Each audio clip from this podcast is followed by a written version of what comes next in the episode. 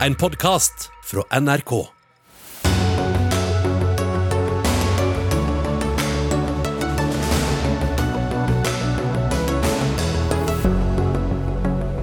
Norge bør godkjenne den russiske koronavaksinen Sputnik 5, mener fylkesrådslederen i Troms og Finnmark. Tror det både vil redde liv og bedre forholdet til Russland på én gang. Dagbladet vil at avisas litteraturanmeldere selv foreslår bøker de tror kan gi oppslag og klikk.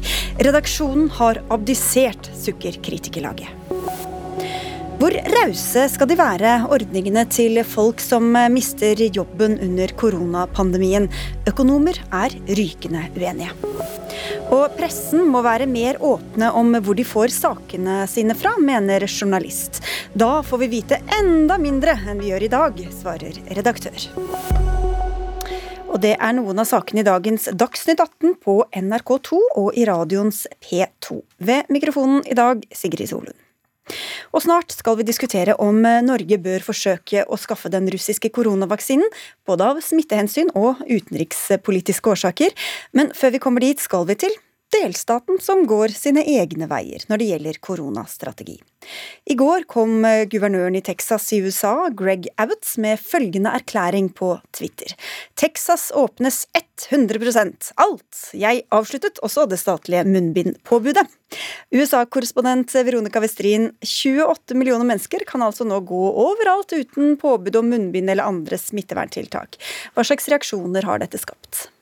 Eh, dette skaper jo mye eh, reaksjoner, men nå kan det jo ikke det. Altså Det guvernøren gjør her, er jo at han opphever en del restriksjoner som ble innført eh, da, da man var på peak når det gjelder antall smittede og sykehusinnleggelser.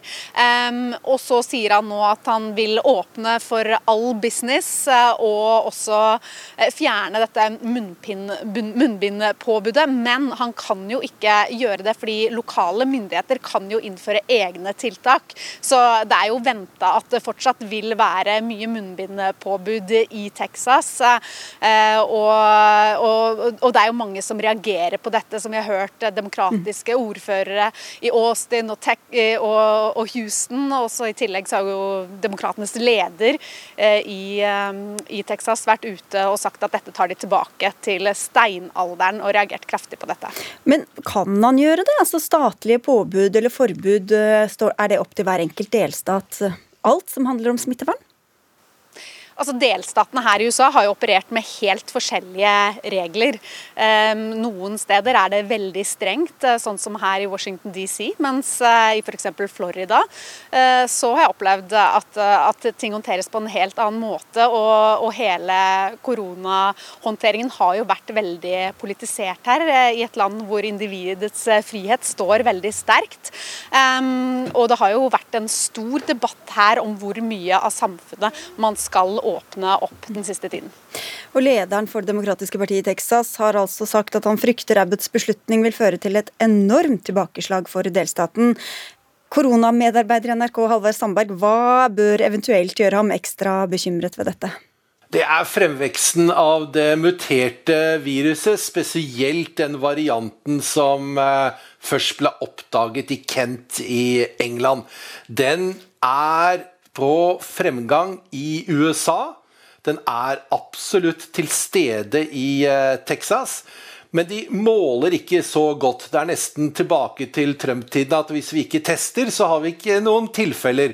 Det er ikke så veldig god måling, men man vet de bare vet at det er rimelig mye av det, og at den kommer til å drive smitten hardt, hardt fremover, slik som vi har sett i Europa. Samtidig så vaksinerer de jo så mye de klarer, men er de i nærheten av noen som helst slags flokkimmunitet ut fra hvor mange de har fått vaksinert så langt?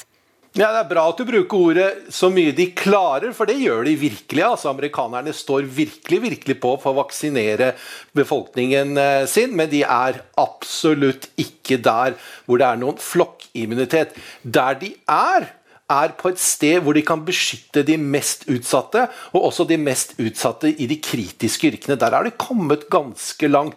Og det vil man nok kunne se, hvis dette virkelig blir dårlig, at det ikke er de samme type tapstall blant de eldre som det var under de forrige bølgene. Men at det kommer en ny bølge, det ligger det ganske godt an til nå som det åpnes også. Allerede før dette kom, den åpningen, så var det klare tegn på at eh, nedgangen i Texas og i USA hadde flatet ut og var på vei oppover igjen. Den hva blir det for USA? Tredje eller fjerde bølgen er nok i gang i USA. Veronica Westrin, Texas har jo vært hardt prøvet uh, fra før av, med helt andre, av, av, helt andre grunner også. Hva, hva kan annet også ligge bak denne beslutningen, tror du? Det er jo klart at guvernøren her prøver å å eh, nå ut til sin velgergruppe. Det er mange her som er lei av alle restriksjonene. Eh, og dette er jo som jeg sier, en debatt som pågår over hele USA. Og så skal vi huske på at det er ikke bare republikanske senatorer eh, eller, eller guvernører som går ut og sier dette. Også Joe Biden har jo tatt til orde for gjenåpning av deler av samfunnet. F.eks. så har han sagt at innen de 100 første dagene av hans periode periode er eh, over, så skal skolene åpne igjen. Det er det få som tror at kommer til å skje. Men barneskolene her i Washington DC f.eks. Eh, åpna forrige måned etter å ha vært stengt i nesten et år, eh, men med hybridløsninger hvor da Eh, halvparten av eh, dagen er man på skolen fire dager i uka. og med strenge smitteverntiltak. Mens andre stater har jo holdt skolene åpne hele tiden. Og det er jo også eh, godt i gang med vaksineringa her. Her har alle lærerne f.eks. fått tilbud om vaksine før de gikk tilbake. Og det er også noe Joe Biden sa i går, at han vil at alle lærere i USA skal få tilbud om vaksine innen utgangen av måneden måneden. Eh, og han regner jo da med at hele eh, den voksne befolkninga her i USA vil være vaksinert innen utgangen av mai. Eh, så det er jo store fremskritt som skjer når det kommer til vaksineringen her. Den siste vaksinen fra Johnson Johnson ble jo godkjent nå og rulles ut, så nå er det da tre vaksiner på markedet her. Helt avslutningsvis, Halvard Sandberg, det blir ikke forbudt å, å, ta smittevernhensyn, selv om de fjernes fra delstatlig hold. Guvernøren sier jo at viruset er der, og at butikker og restauranter og andre må ta, andre, ta de forholdsreglene som de mener er, er påkrevd. Hva, hva tror du kan skje da? Altså, Uten et klart lederskap fra toppen, så viser det seg fra land til land at det går ikke bra.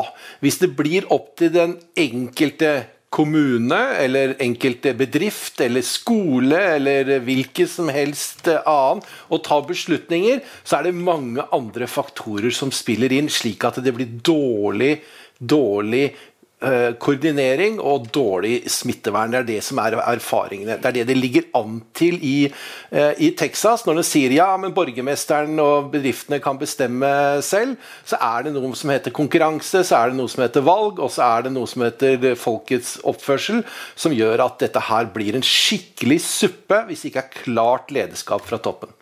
Takk skal dere ha.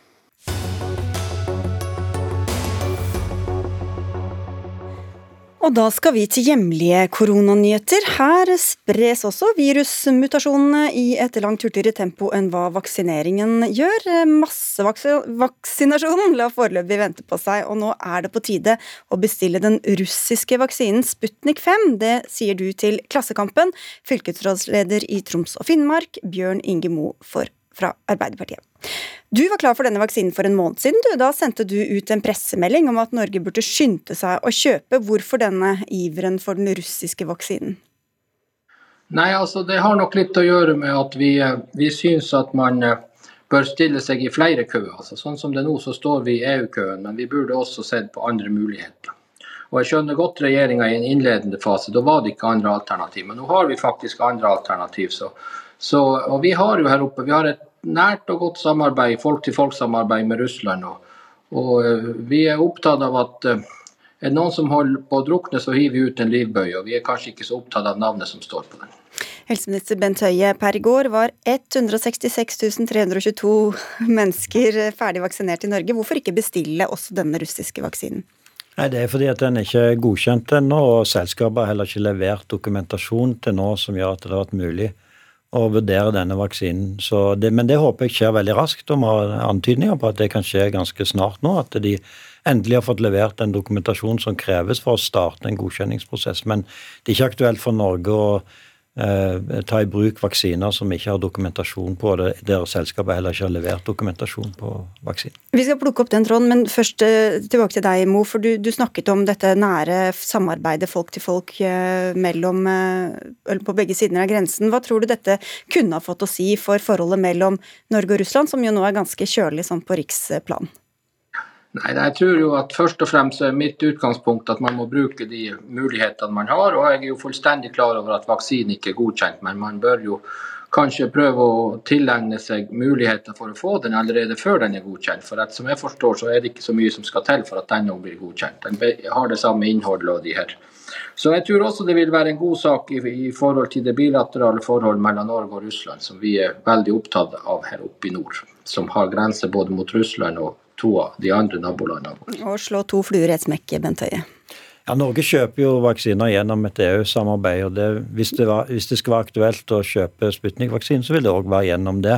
Jeg må være klar over at eh, alle vaksinedosene som settes i Norge, har de andre landene i EU gitt til Norge. Eh, og latt oss få av deres vaksiner. Jeg tror det ville fremstått som eh, ganske usympatisk, for å være forsiktig, hvis Norge som et ikke-medlemsland som faktisk får vaksiner som i utgangspunktet var tiltenkt i andre land i EU, hadde sagt at nå prøver vi oss å gå utenom denne solidariteten som dere har vist oss, og, og skaffe vaksiner på egen hånd. Det tror jeg hadde satt alle de vaksinene som vi vet kommer til Norge, og som er godkjent, eh, i ganske stor fare. Det, og gjort oss da avhengig av et eh, naboland Eh, og ensidig avhengig av det, i motsetning til de som er vanligvis eh, jobber tett sammen. Parlamentarisk leder i Senterpartiet, Marit Arnstad, du vil også ha den russiske vaksinen til Norge, men ikke for å bedre forholdet til eh, Russland. Men hva med alle innvendingene vi hører fra Bent Høie her? Nei, altså Vaksineringa i Norge og i EU-området går jo veldig seint. Og Det har jo ført til at en rekke EU-land har for det første har det skapt stor debatt, og så har det ført også til at en rekke EU-land er på leiting etter egne og flere løsninger.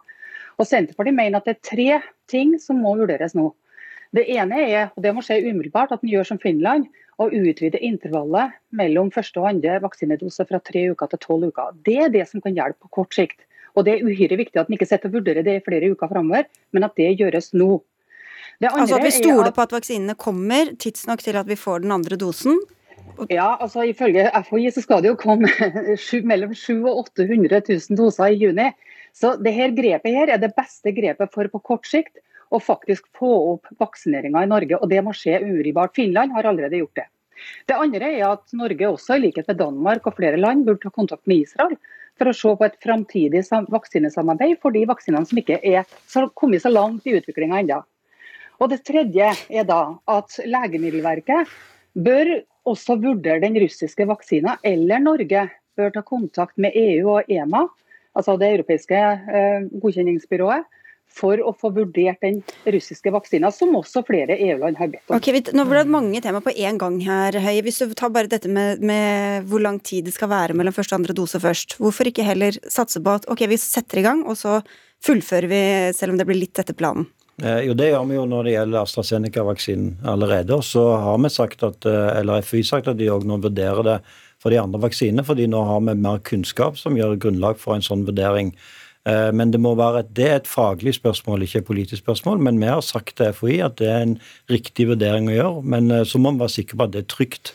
At vi ikke kommer ut i en situasjon f.eks. der det eh, bidrar til at vi tar for høy risiko og undergraver hele vaksinasjonstenkningen vår. Så, så når det, gjelder, eh, når det, gjelder, det å samarbeide eventuelt med Israel og andre om mer langsiktige strategiske ting, så er vi veldig åpne for det. Den norske statsministeren er med i akkurat den samme gruppen eh, av statsledere som den israelske statslederen, den danske statsministeren og, og den østerrikske statslederen. Der, og der utveksles mer erfaringer allerede. Og Norge er en pådriver for det som er det etablerte internasjonale samarbeidet på utveksling av vaksiner strategisk, nemlig CEPI. Uh, og til det siste punktet så har vi veldig god kontakt med EMA. EMA og Det norske legemiddelverket er jo på mange måter integrert og jobber tett sammen. Og Utfordringen er rett og slett at de som produserer Sputnik til nå, ikke har levert dokumentasjon som gjør at EMA kan komme i gang med det som heter rolling review. Det har jeg all grunn til å tro at vil starte veldig snart, og det er veldig positivt. Ja, hvis du tar det siste her, eh, Arnstad, da, for å få én ting av gangen her. Skal, hva slags sjanser kan vi ta med ting som, vaksiner som ikke er godkjent?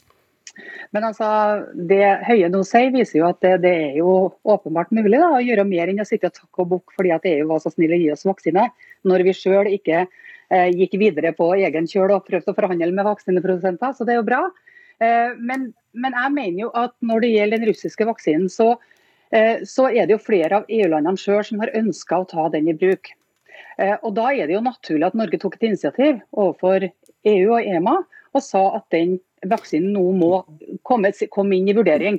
Fordi eh, Russland har jo selv også ønsket, sagt at de ønsker at den skal godkjennes i EU. Ja, men da vil jo, Hvis russerne mener det veldig straks, så er det veldig rart at de har somla så vanvittig med å levere dokumentasjon mm. som gjør det mulig å få en eh, faglig vurdering av den vaksinen. Gunnveig Grødland, du er vaksineforsker ved Universitetet i Oslo. Hva vet vi om denne russiske vaksinen? Eh, vi vet eh, mye. Eh, utgangspunktet er at han er basert på det samme prinsippet som AstraZeneca og vaksinen fra Johnson Johnson i hovedtrekk. Som vil si at det er et mildt forkjølelsesvirus som tar og leverer til cellene våre oppskriften på spike, som så immunsystemet vårt vil danne immunresponser mot. Sånn at det er en god eh, teknologi som er utprøvd i mange sammenhenger. Hvorfor kan ikke Legemiddelverket her bare da godkjenne den på egen hånd? Det er sånn at det kreves ganske mye dokumentasjon på å godkjenne eh, vaksiner. Eh, og European Medicines Agency har nå godkjent og vurdert de andre koronavaksinene som er eh, tatt i bruk, sånn at det vil være det riktige forumet eh, for å vurdere denne vaksinen. Eh, og jeg vil veldig gjerne si at nå har man hatt det siste året en ekspressrask utvikling av vaksiner. Alt har foregått etter alle regelverk og alle guidelines som foreligger. Hvis man nå skulle begynne å bruke vaksiner som ikke er godkjent, etter eh, de samme strenge regelverkene som vi har fulgt til nå, så vil vi egentlig være Det vil være ganske problematisk på mange måter. Hvorfor det? For det første så åpner vi opp at vi kan gjennom avtaler med land helt tilfeldig begynner å ta i bruk vaksiner og medisiner i forlengelsen som faktisk ikke er godkjent, har vi sagt ja en gang til å overkjøre disse reglene våre.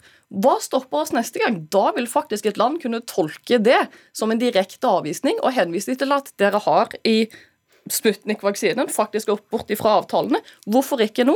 Sånn at når Norge sier helt ryddig vi forholder oss til de avtalene som vi alltid gjør, så vil det kunne sikre at vi er troverdige òg framover i forholdet både til Russland og resten av verden. Ja, er du sikker på at du vil åpne den døra, Marit Arnstad?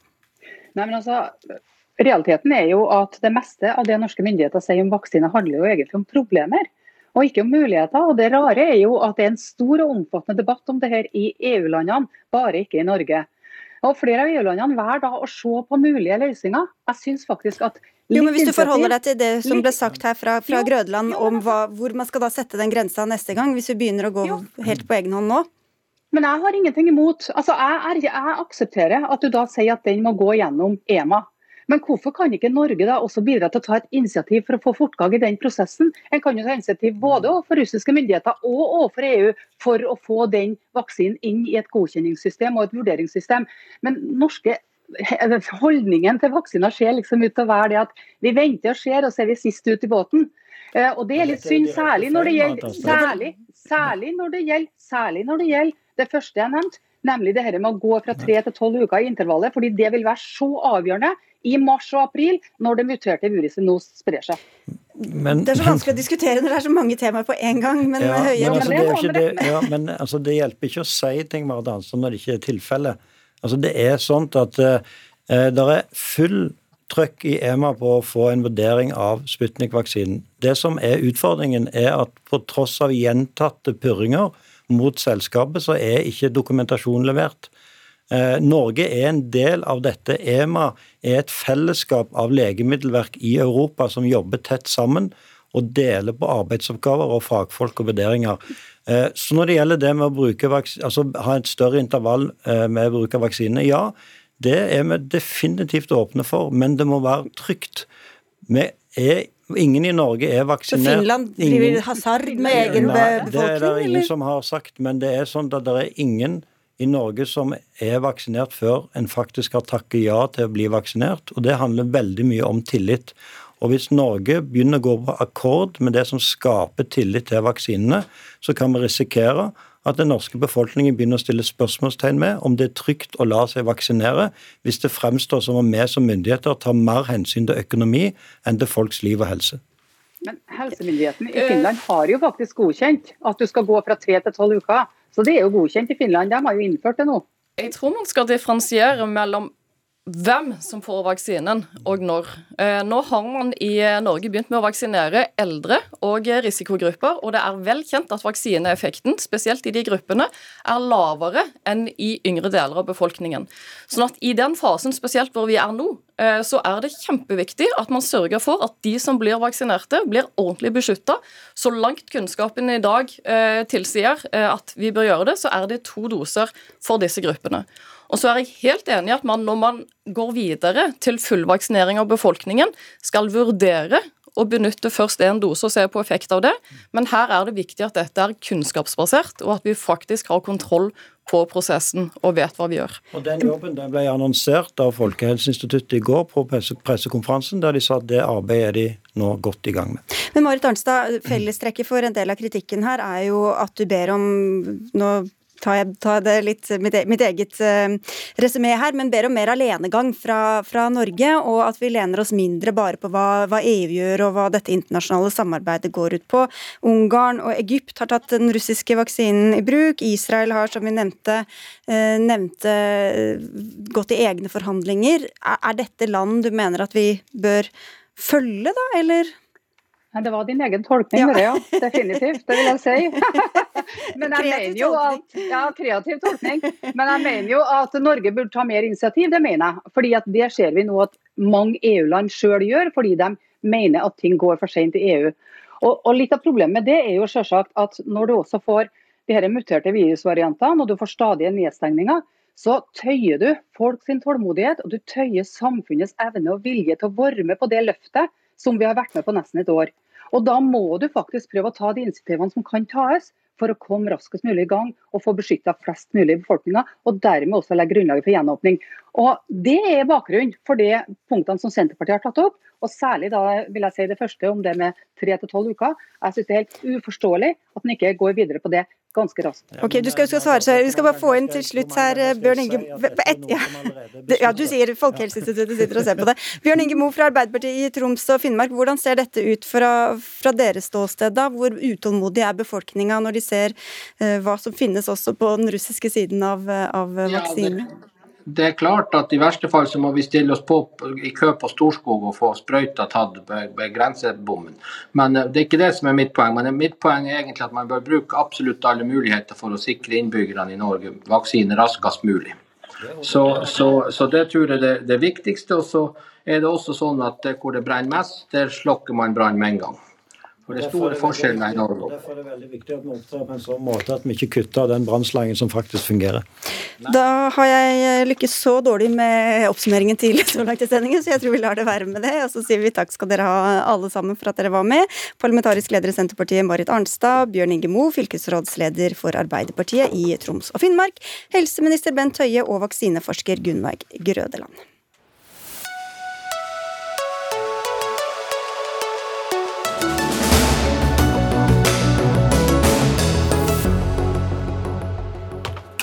Bør det være rausere ordninger eh, for dem som eh, mister levebrødet under koronakrisen enn hva vi ellers opererer med?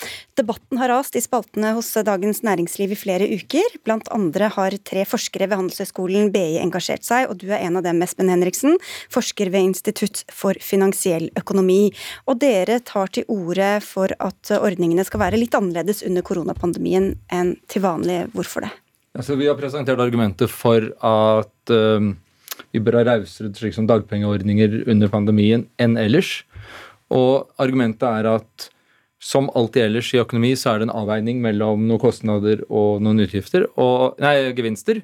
Og gevinstene her er jo helt åpenbart når vi tenker på arbeidsledighetstrygd, at det er forsikring for folk. Dette er forsikring som ikke ville blitt tilbudt av private markeder. Hvis staten ikke hadde gitt dagpenger, så hadde ikke Fremtind eller Storebrand tilbudt slik forsikring. Eh, på kostnadssiden i forhold til dagpenger så er det én at det er veldig dyrt for staten å ta inn penger. altså Vi bruker det mellom, ja, mellom 20% og 50% i kostnad, altså 20 øre eller 50 øre per krone vi tar inn i skatt. Det er, hvis vi har høye dagpenger, gir det mindre insentiver til folk til å finne seg ekstra arbeid. Og for det tredje så endrer arbeidsmarkedets funksjonsmåte, altså slik at det kan da bli en høyere lønn i arbeidsmarkedet som gjør at færre blir sysselsatt. Men når man da har sett den avveiningen som politikere har tatt forut for krisen, så utenom å ta stilling til om den er riktig eller gal, bare si man har tatt den, økonomien har vært en del av beslutningsgrunnlaget, så argumenterer vi for at forsikringselementet ganske sikkert er større nå. Flere folk er ledige lenger, kanskje mange par som er ledige, så de fortrenger forsikringen mer. Og at kostnadene antagelig er mindre, dels fordi at hva, om de søker litt mindre, det er færre ledige jobber å søke på, og arbeidsmarkedet fremdeles er i en unntakstilstand. Så det er et type relativt argument. Altså Man trenger ikke hva skal vi kalle det, dytte så sterkt for å prøve Akkurat å søke Akkurat nå trenger man ikke dytte så sterkt. Mm. Og forsikringen er viktigere. Steinar Juel, samfunnsøkonom i den liberale tankesmien Civita. Du har argumentert eh, på, den andre siden og, mener at permitterte får høye nok dagpenger i dag. Hvorfor det? Ja, altså jeg jeg syns man eh, har lagt for lite vekt på eh, det som går på insentivene til å prøve å få sånn jobb, og det har vi sett på eksempler hvor, hvor det er eh, ledige sesongjobber rundt omkring i landet. Sist nå i Nord-Norge i forbindelse med fiske, skreifiske der. Så må vi ta inn arbeidskraft utenfra, mens det går mange ledige som kunne permitterte, som da kunne tatt en sesongjobb. Og hvorfor skjer ikke det, er spørsmålet som jeg stiller meg. Og da er det liksom eh, Nei, fordi det er ikke lønnsomt for dem. Eh, fordi de har eh, god gode, gode dagpenger. Og fordi, sånn som jeg skjønner, så har de også en situasjon hvor da hvis de tok en sånn midlertidig jobb, så ville de når de kom tilbake igjen, komme på et lavere nivå på dagpenger enn de hadde opprinnelig. Men er det gitt at det at folk ikke reiser i tre uker for å være fisker, uansett om de har kompetanse til det eller ikke, at det bare skyldes nivået på dagpenger? Eller kan det skyldes helt ja, det, andre det, ting? Det skyldes det, er sikkert mange årsaker. Eh, det er klart alle, det egner seg ikke for alle, og, og det gjør det. Og det er mange er i situasjoner hvor, hvor, ikke det kan egne seg. Men, men, eh, men det, er viktig at det lønner seg. For at man skal få, få mobilitet, så må det lønne seg. Og det har det vært sett eksempler på. Det gjør det ikke nå. Så, så jeg, jeg, reagerer også på det, det de tre fra BI sier, om at man i en sånn krise som nå, hvor det er stor, stor ledighet, at man da må legge mindre vekt på uh, insentiver for å finne jobb enn man må ellers. For jeg syns heller det er viktig nå det er Altså det økonomiske insentivet? Ja, det er alltid viktig å ha sterke insentiver for å søke jobb. Uh, for det er veldig uheldig at personer som da går ledig i, i et år, som det er nå snakk om uh, Hadde det vært tre måneder, så hadde det vært greit, men når det er snakk om et år og mer enn det, så er det mer problematisk.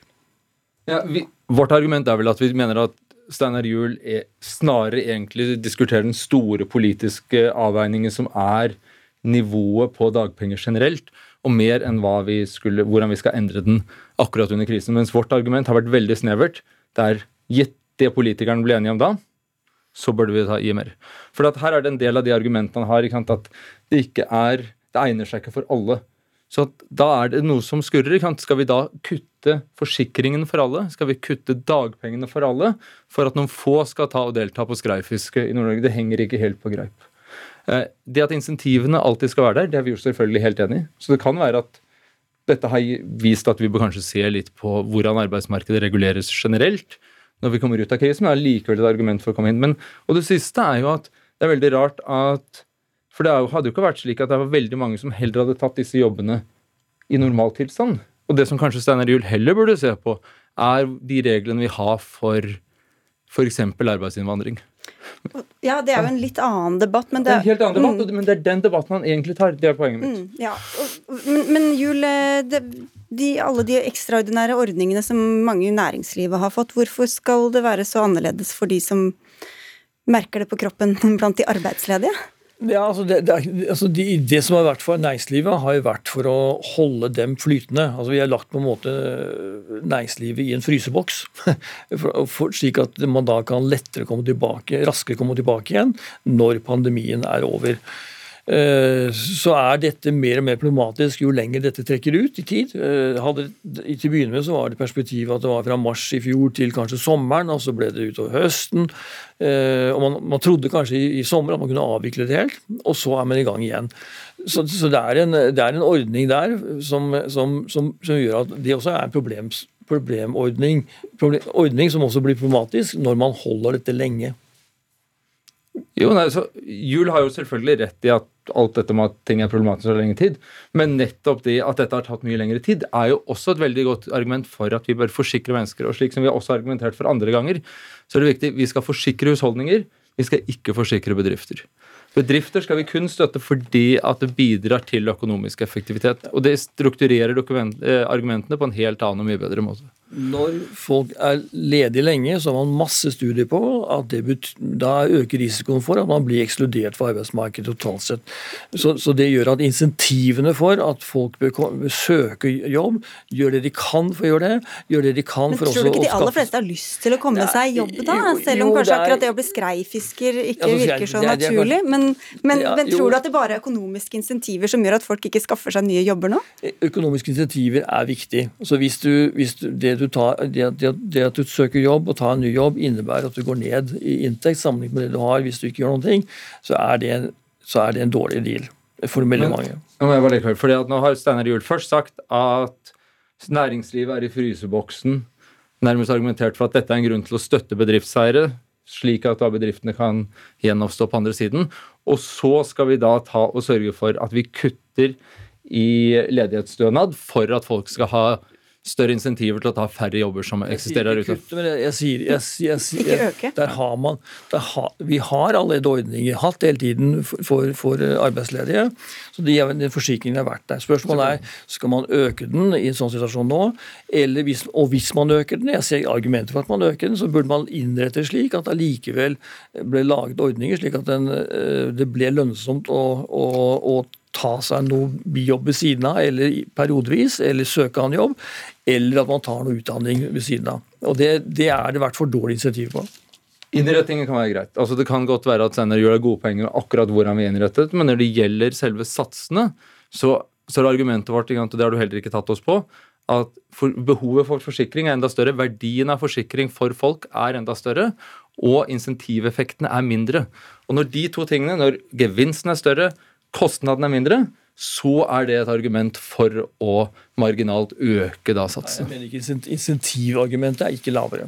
Det mener jeg ikke. Men vi vet jo at det er ganske få som flytter, for å, altså, i hvert fall langt for å skaffe seg jobb. Espen Henriksen. Hvorfor ikke bruke den anledningen til å skaffe mer mobilitet og fleksibilitet i arbeidsmarkedet? Dette er tror jeg, en veldig veldig viktig diskusjon vi kommer til å måtte ha når pandemien er over, når vi er tilbake i normaltilstand. Så to argumenter. Én er at jeg tror at det kan være gode argumenter for å reversere disse ordningene så fort vi får dette under kontroll, for så fort vi kan gi insentivene når vi igjen skal gi gass. Eh, nummer to, ok, f.eks. slik som vi da har sett med arbeidsinnvandring og hvilke effekter de har hatt. Ok, Det er mulig at vi da bør se på hvordan arbeidsmarkedet fungerer, hvilke insentiv vi har, hvordan vi innretter det. Men jeg tror det er to forskjellige diskusjoner. Skal vi si at vi ses igjen, da? Gjerne det. Takk skal dere ha, begge to.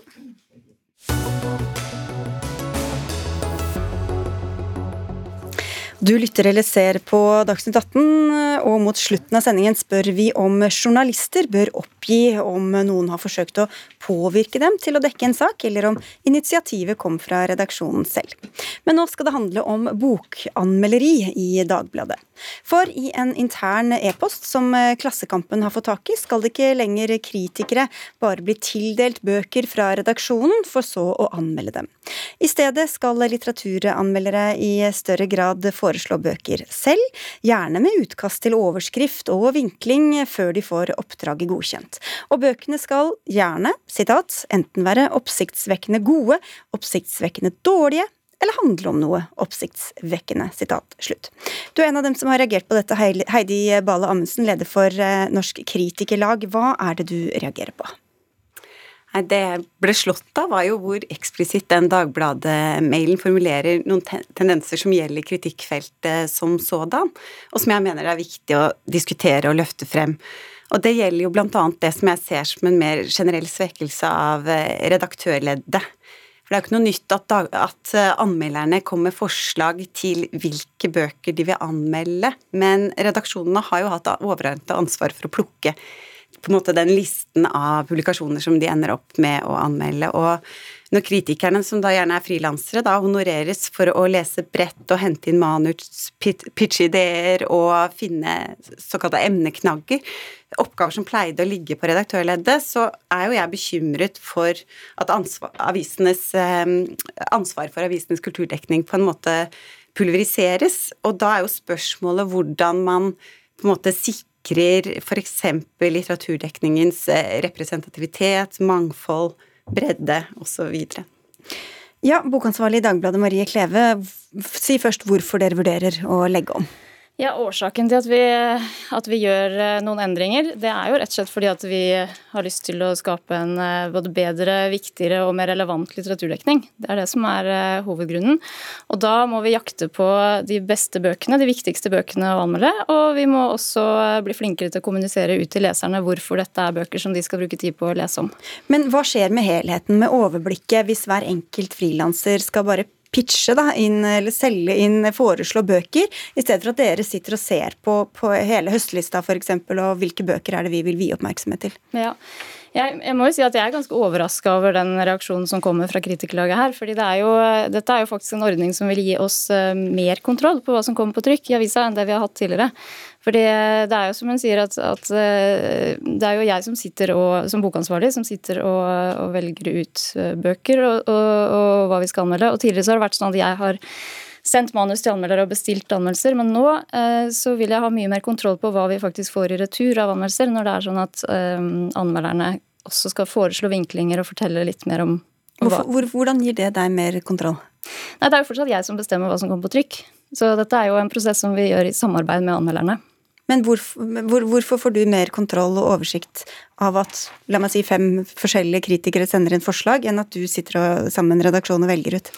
Ja, dette er jo, det er jo ikke bare sånn at de skal sende forslag til meg. det er jo Jeg, jeg vil også komme til å sende forslag til dem. Det er jo noe som vil gå begge veier. Så, men så er det jo fortsatt jeg som avgjør hva som kommer på trykk.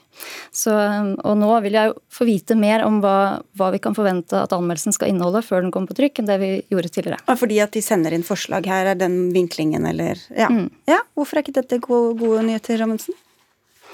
Eh, jeg ser jo ikke helt hvordan dette gir mer kontroll, når det, når det er sagt, for eh, men, men, i eh, min innsikt i Dagbladets situasjon går jo primært via denne mailen som jeg da har fått eh, blitt forelagt. Eh, og jeg er ikke ute etter å på en måte korrigere Dagbladets eh, redaksjonelle profil. De er jo i sin fulle rett til å velge den. Det jeg bekymrer meg for, og som jeg har forsøkt å løfte frem, er jo som sagt dette, disse generelle tendensene som gjelder kritikkfeltet som sådan. Og en, en, annen utfordring der er jo dette her som sto i mailen da om at det oppsiktsvekkende nå skal være premisset. Og jeg har jo selvfølgelig full forståelse av Dagbladet eh, må nå eh, så bredt som mulig. Dagbladet er jo, primært, er jo primært nå en avis på nett, og jeg ser eh, behovet for å nå flest mulig. Mm.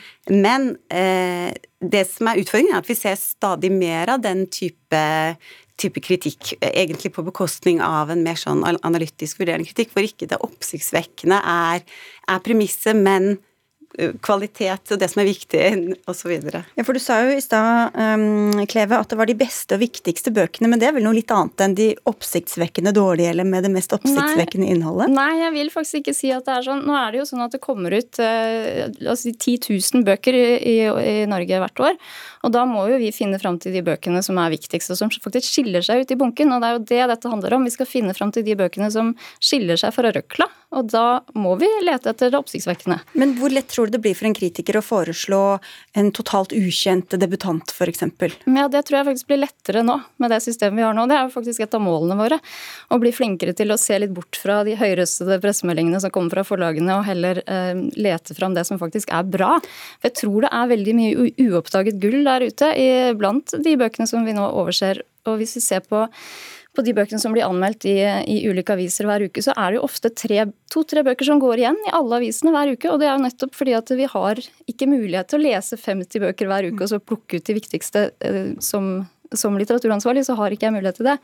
Men jeg kan eh, støtte meg på kunnskapen og, og fagkompetansen som anmelderne våre har. Og finne gull eh, og være oppmerksomme selv fra kritikerholdet. Selvfølgelig. og det det, det jeg også eh, ser, da, som også gjelder feltet som sådan, er jo det der med at eh, når hva man For en ting er jo dette her med at bøkene i seg selv skal være oppsiktsvekkende. Sånn, sånn jeg ser situasjonen generelt nå, så blir jo det ofte at, en, at man ser at en del publikasjoner som på en måte eh, leverer kanskje mer solide, mer lavmælte, nyanserte fremstillinger av viktige problemkomplekser. Da ikke er egnet til å nå bredt, som jeg har skjønt at er noe som bl.a. Dagbladet ønsker, da, naturligvis. Eh, og den type litteratur eh, tror jeg jo ikke at eh, innras med den, eh, eh med den type kulturjournalistikk, uten at det nødvendigvis er Dagbladets ansvar, men en generell tendens. Mm. og så går det jo på dette også at om man skriver at det oppsiktsvekkende også skal på en måte speiles i den måten man skriver på. Og det er jo ikke et problem selvfølgelig at noen, om noen skriver på den måten, men problemet er jo når det blir mer og mer av den type kritikk, så blir jo jeg bekymret for at på en måte den kritiske vurderingen da får mindre plass i det offentlige ordskiftet. Ja, så det er et jo, man kan jo kanskje tenke seg at hvis man skal prøve å fordi du tjener jo ikke sånn kjempebra i utgangspunktet hvis du er litteraturanmelder per, per i timelønn. Så hvis du skal prøve å selge inn en anmeldelse, så er det kanskje lettere å selge inn en som er opps, altså som oppsiktsvekkende dårlig, kaste en ene på terningen, enn midt på treet en treer, f.eks. Ja, altså Hvis du ser på anmeldelsene som vi trykker hver uke, eh, så vil du si at det er mange flere gode bøker, eller mange flere bøker som får høye terningkast enn som får dårligere. Ja, men Da vil man vekte, ja. da vil man, det blir vanskeligere å si dette her var en litt uinteressant bok. Vi har allerede lest den og skrevet anmeldelsen mm. for å prøve å selge den inn til Dagbladet, mm. men den er vel ikke Dagbladet så interessert i å kjøpe? Ja, dette her er det jo, dette, her, dette hviler jo vår integritet på, og anmeldernes integritet, så dette er jo noe som vi tar på største alvor og er veldig opptatt av å jobbe med. og Derfor så innebærer også den uh, omleggingen uh, nå, det skrev jeg også i mailen som Klassekampen fikk tilgang til, men det forsvant litt i artikkelen. Det innebærer også at vi skal jobbe mye grundigere med tekstene til anmelderne, altså mm, jeg og anmelderne i samarbeid, for å sikre at nettopp analysen og den faglige vurderingen fortsatt holder høy kvalitet. Takk skal dere ha begge to, så får vi se hvordan eh, det blir når det kommer på trykk. Heidi Bale Amundsen, leder for Kritikerlaget, og Marie Kleve, som er bokansvarlig i Dagbladet.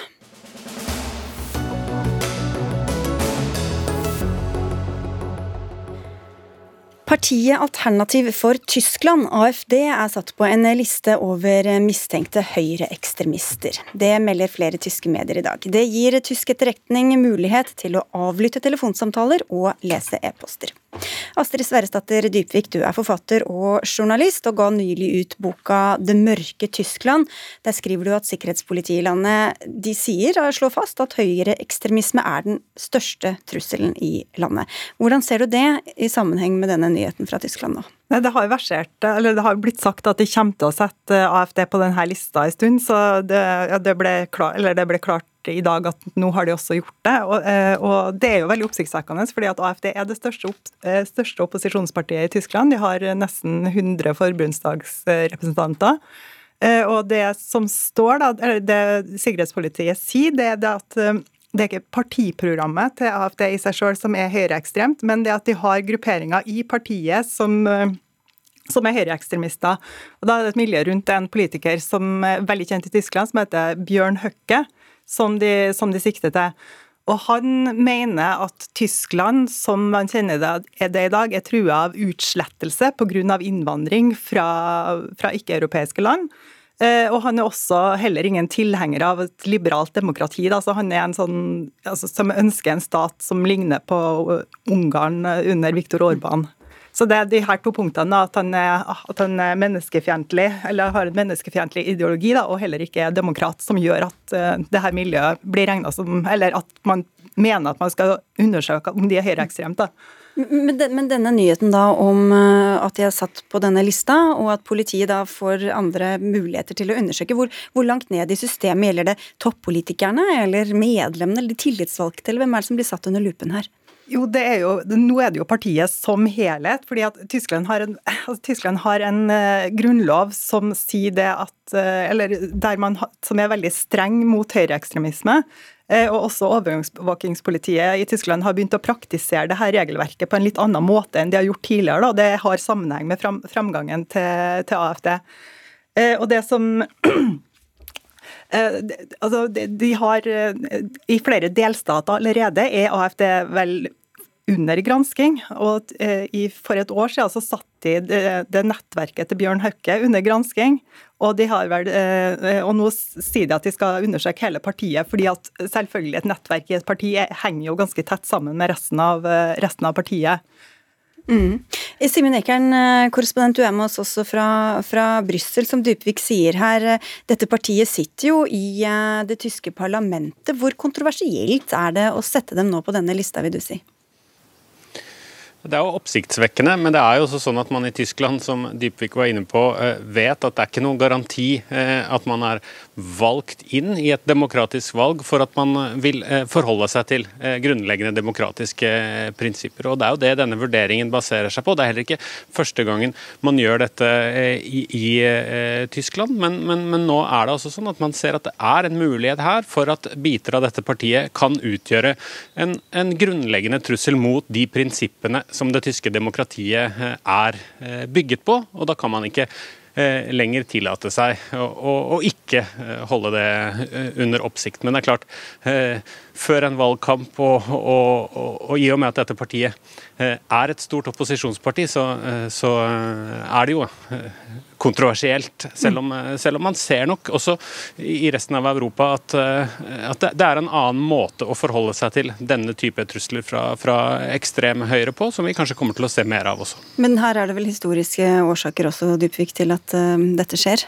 Ja, altså, det historiske årsaken ligger jo i altså, at det tyske lovverket er jo laga som en reaksjon på det som skjedde under andre verdenskrig. så Det er derfor man har en sånn klausul i den tyske grunnloven som heter evighetsklausulen. og Den gjør at man at alle partier som man mener da truer den tyske demokratiske grunnloven, kan da bli erklært som ekstremistisk. og da i, altså Enden på viset her kan også bli at AFD blir forbudt i Tyskland. Da, men det vil være en veldig langtenkelig prosess. Da, for Nå sier man at man skal ha en gransking, og den kan da ende opp i at man sier at de er helt sikkert høyreekstremt, og da kan da det neste punktet igjen da bli at de, at de blir forbudt.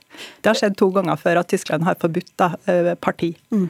Eh, Simen Eckern, du kjenner jo til eh, mange andre høyreekstremistiske partier også rundt omkring i Europa. Hvordan vil du sette dette partiet inn på, på den skalaen? Det er jo et parti som helt Det er jo ikke et veldig gammelt parti, eh, ikke mer enn ti, ti, år gammelt. Og det er et parti som hele tiden har, har vekslet eh, mellom en moderat og en radikal eh, side. Og det har gått litt i takt med, med hvilke saker partiet har holdt høyest og ansett for å, å være viktigst. Men det er nok en følelse nå at de siste to årene, det siste året, de siste månedene, så har den radikale fløyen blitt mer dominant, eh, og at det i alle fall er, er, sånn at man kan karakterisere biter av dette partiet for å være et eh, høyreekstremt parti. Det betyr jo selvfølgelig ikke at alle velgerne er høyreekstreme, men som en tysk statsviter har formulert det, så betyr det at de aksepterer disse høyreekstreme elementene i partiet som de, som, som de velger, velger, inn. Men, men, det har jo plassert seg i den samme familien som Marine Le Pen i Frankrike, eller Matteo Salvini eh, i Italia, eh, og forsøkt å si at vi er en felles front i Europa, så er det ganske eh, store forskjeller. Ikke minst når det kommer til hvordan, dette, hvordan Alternativ for Tyskland forholder seg til eh, Tysklands fortid og, og, og, debatten om hva som hendte under andre verdenskrig, og hvordan man skal snakke om det som skjedde under, under andre verdenskrig. Der det, har jo partiet hatt en helt annen linje enn det Marine Le Pen i Frankrike har, f.eks. Men hvor allmenn enighet Dybvik er det i Tyskland om at dette er et høyreekstremt parti? Eh, altså, altså, alle andre partier i forbundsdagen sier at eh, de syns det er helt på sin plass at, eh, at eh, sikkerhetspolitiet tar det her skrittet nå. Eh, og de har også tidligere, har alle andre partier for forbundsdagen sagt at de mener at AFD er medansvarlig for de her høyreekstreme terroristangrepene som har vært i Tyskland eh, altså de siste årene, fordi at de har skapt et hatefylt eh, samfunnsklima som har motivert terroristene til å gå til, til, til angrep da, på, på, folk på gata osv. Så, videre. så de, altså, AFD er veldig lite populært blant, altså, i, resten av, i resten av politikken. Men, så, altså, men AFD sine velgere og partiet sjøl er jo i veldig opprør nå. De sier at de skal, de skal saksøke, eller de skal, de skal trekke um, sikkerhetspolitiet for retten fordi at de mener at det um, forpurrer den demokratiske prosessen osv. Uh, og så vil jeg jo tro at De har jo mange veldig lojale velgere også, som også er veldig opprørt av det her, å si at det er politisk misbruk da, av uh, sikkerhetspolitiet. Så mer harmoni blir det neppe nei, av dette. Nei, det blir mer bråk. Takk skal dere ha begge to. Astrid Sverresdatter Dypvik, journalist og forfatter av boka 'Det mørke Tyskland', blant annet, og til korrespondent Simen Ekern.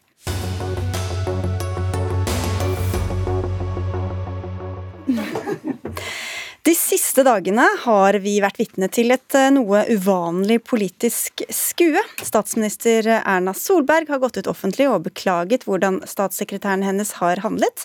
Det skjedde etter avsløringen om at han hjalp Molde-ordføreren med å komme med kritikk av Oslos koronahåndtering. Dette viser at det er på tide med mer åpenhet rundt saker som er blitt til etter innsalg fra en profesjonell part, skriver du i Medier24 Tore Aarseth, frilansjournalist og med en fortid bl.a. her i NRK. Hvorfor er det så viktig å vise tydelig fram hvem som tok kontakt med hvem?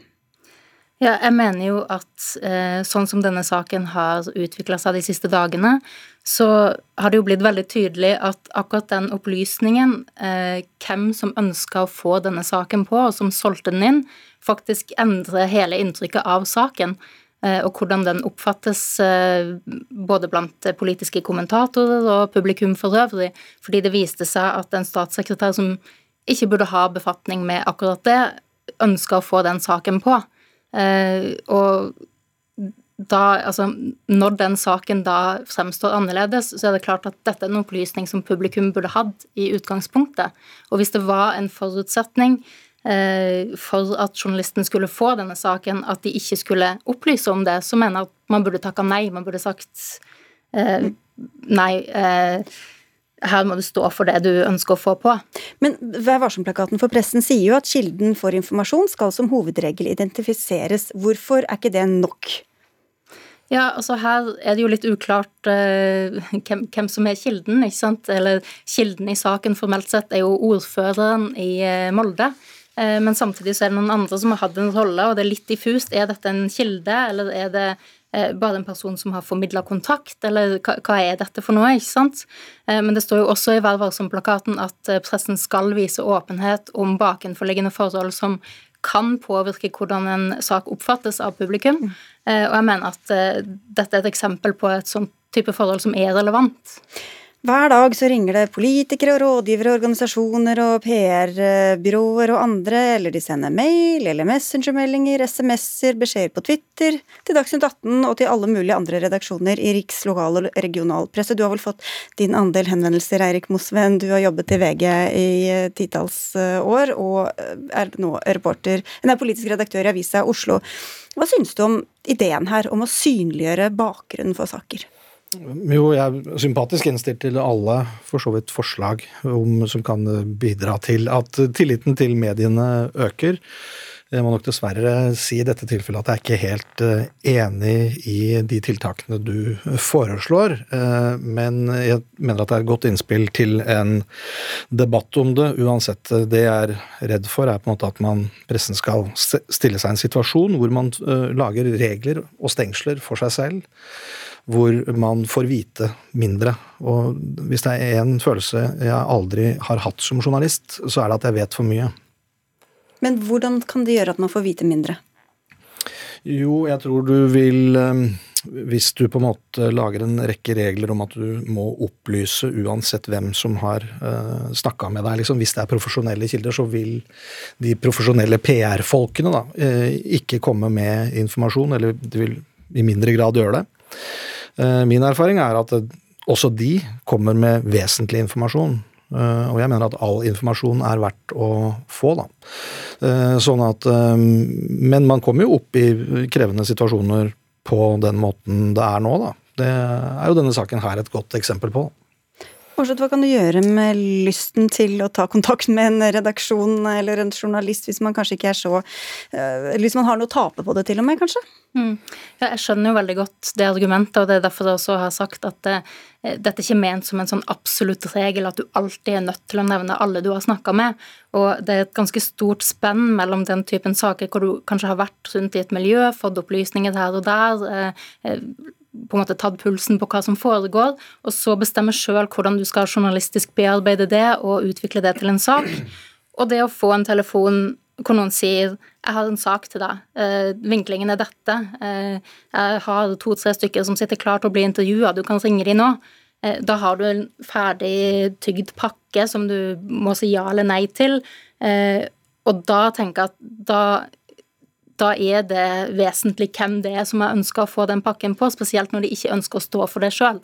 Og du har sikkert også Mosven sett at å ja, det var noen andre som beit på den, det agnet som du allerede hadde fått en telefon om eh, fra et eller annet eh, partikontor eller noen andre dagen før. Ja, da jeg jobba i VG, så var det gjerne Dagbladet. eh, uh. Men eh, Nei, det, men det er jo sånn det ofte er, da. ikke sant? I politikken så er det jo en del som på en måte er eh, driver salgsfremstøt, liksom. Eh, Hvorfor ikke synliggjøre det, da? Vise det? Eh, jo, men det gjør vi jo til en viss grad. Det er jo ganske synlig som regel at eh, hvis SV eller Frp kommer med et eller annet utspill, og vi så skjønner jo de fleste at de, det var de som kom med det, og at de har en egen interesse av å få det fram. Vår jobb er jo da å vurdere er dette interessant nok journalistisk, liksom. Er våre lesere Kan de ha nytte, eller kan de synes dette er interessant? Så det er en nyhetsvurdering som må, må tas. Men eh, når det gjelder å gå lenger enn det å begynne å opplyse med at det og det hvis det er et PR-byrå eller andre. Da. Det syns jeg, det tror ikke er noe lurt, uh, av så mange grunner. Og så har det et underliggende premiss, nemlig at uh, måte, tilliten til journalistikken og mediene er mye dårligere nå enn den var før. Og det tror jeg ikke noe på. Jeg tror den er minst like god. Men man kan kanskje pga. sosiale medier få et litt annet eh, inntrykk fra kommentarfeltene. Men hvis du ser på lesertallene til f.eks. VG under koronaen, eller når vi starter opp en helt ny avis nå her i Oslo, så har jeg ikke inntrykk av at de vi møter, eh, mangler tillit til oss. Tvert imot. Fortsett. Ja, um, Jeg har ikke noen formening om hvor, hvilken vei denne tilliten går. Jeg tror jo at tilliten til mediene er generelt ganske høy, men nettopp derfor bør man jo jobbe med å, å, å fortsette å fortjene denne tilliten gjennom å vise åpenhet. Og jeg tror at Altså, det er jo ofte et tema at eh, PR-rådgivere har fått så mye makt, og, og, så er det litt diffust hvordan. Det er litt diffust hvem de er, og hvordan de utøver denne makta. Og jeg tror at hvis man viser det frem, så kan det kanskje avmystifiseres litt. At man på en måte skjønner litt mer hva det egentlig er som foregår. Nettopp da ha bedre grunn til å ha tillit. Men la oss si at et PR-byrå gir et råd til, eh, til, en organisasjon, eh, og så ringer organisasjonen til en av oss, og så får de et eller annet oppslag. Da vet jo ikke vi at det var det PR-byrået nødvendigvis som ga det rådet. Da skal vi da skrive at det var den organisasjonen, da, eller hvordan skal det skje? Nei, Det er klart det finnes jo smutthull, holdt jeg på å si. Det, det, er jo ikke alltid så godt å vite hvem som har snakka sammen før noen ringer til, eh, til en redaksjon. Eh, men, men, det må man på en måte leve med. Eh, spørsmålet er jo hva man går med på for premisser. fordi og jeg synes jo spesielt den situasjonen VG står i nå, illustrerer det veldig godt. Fordi det har blitt en nasjonal nyhetssak at VG har snakka med Peder Egseth, og så kan ikke VG skrive det sjøl. Og det er fryktelig rart. Du jobba vel i VG i 30 år, vet ikke om du, du kan vel ikke ta akkurat den saken for dem, men eh, hva Nei, det er jo for så vidt jeg, jeg, har ikke for så vidt uh, jeg kjenner ikke på en måte omstendighetene rundt det for VG, så det kan godt hende de har en god forklaring på det, men, men, men fasit er nå uansett at VG fra morgenen på mandag visste at uh, ordføreren løy, og de rapporterte ikke om det. Men de har muligens en god forklaring. Det kan hende. Vi har ikke invitert dem, så vi stopper der. Og så kan jeg opplyse at jeg fant dette innlegget ditt helt selv på Medie24, Tori Aarseth, og at vi helt på egen hånd tok kontakt med dere to. Tore Aarseth altså, og Eirik Mosveen, politisk redaktør i Avisa Oslo. Dagsnytt 18 er over for denne gang. Det var Dag Dørum som hadde ansvaret for innholdet, Eli Kyrkjebø hadde det tekniske ansvaret. Jeg heter Sigrid Solund, og vi ønsker en riktig fin kveld.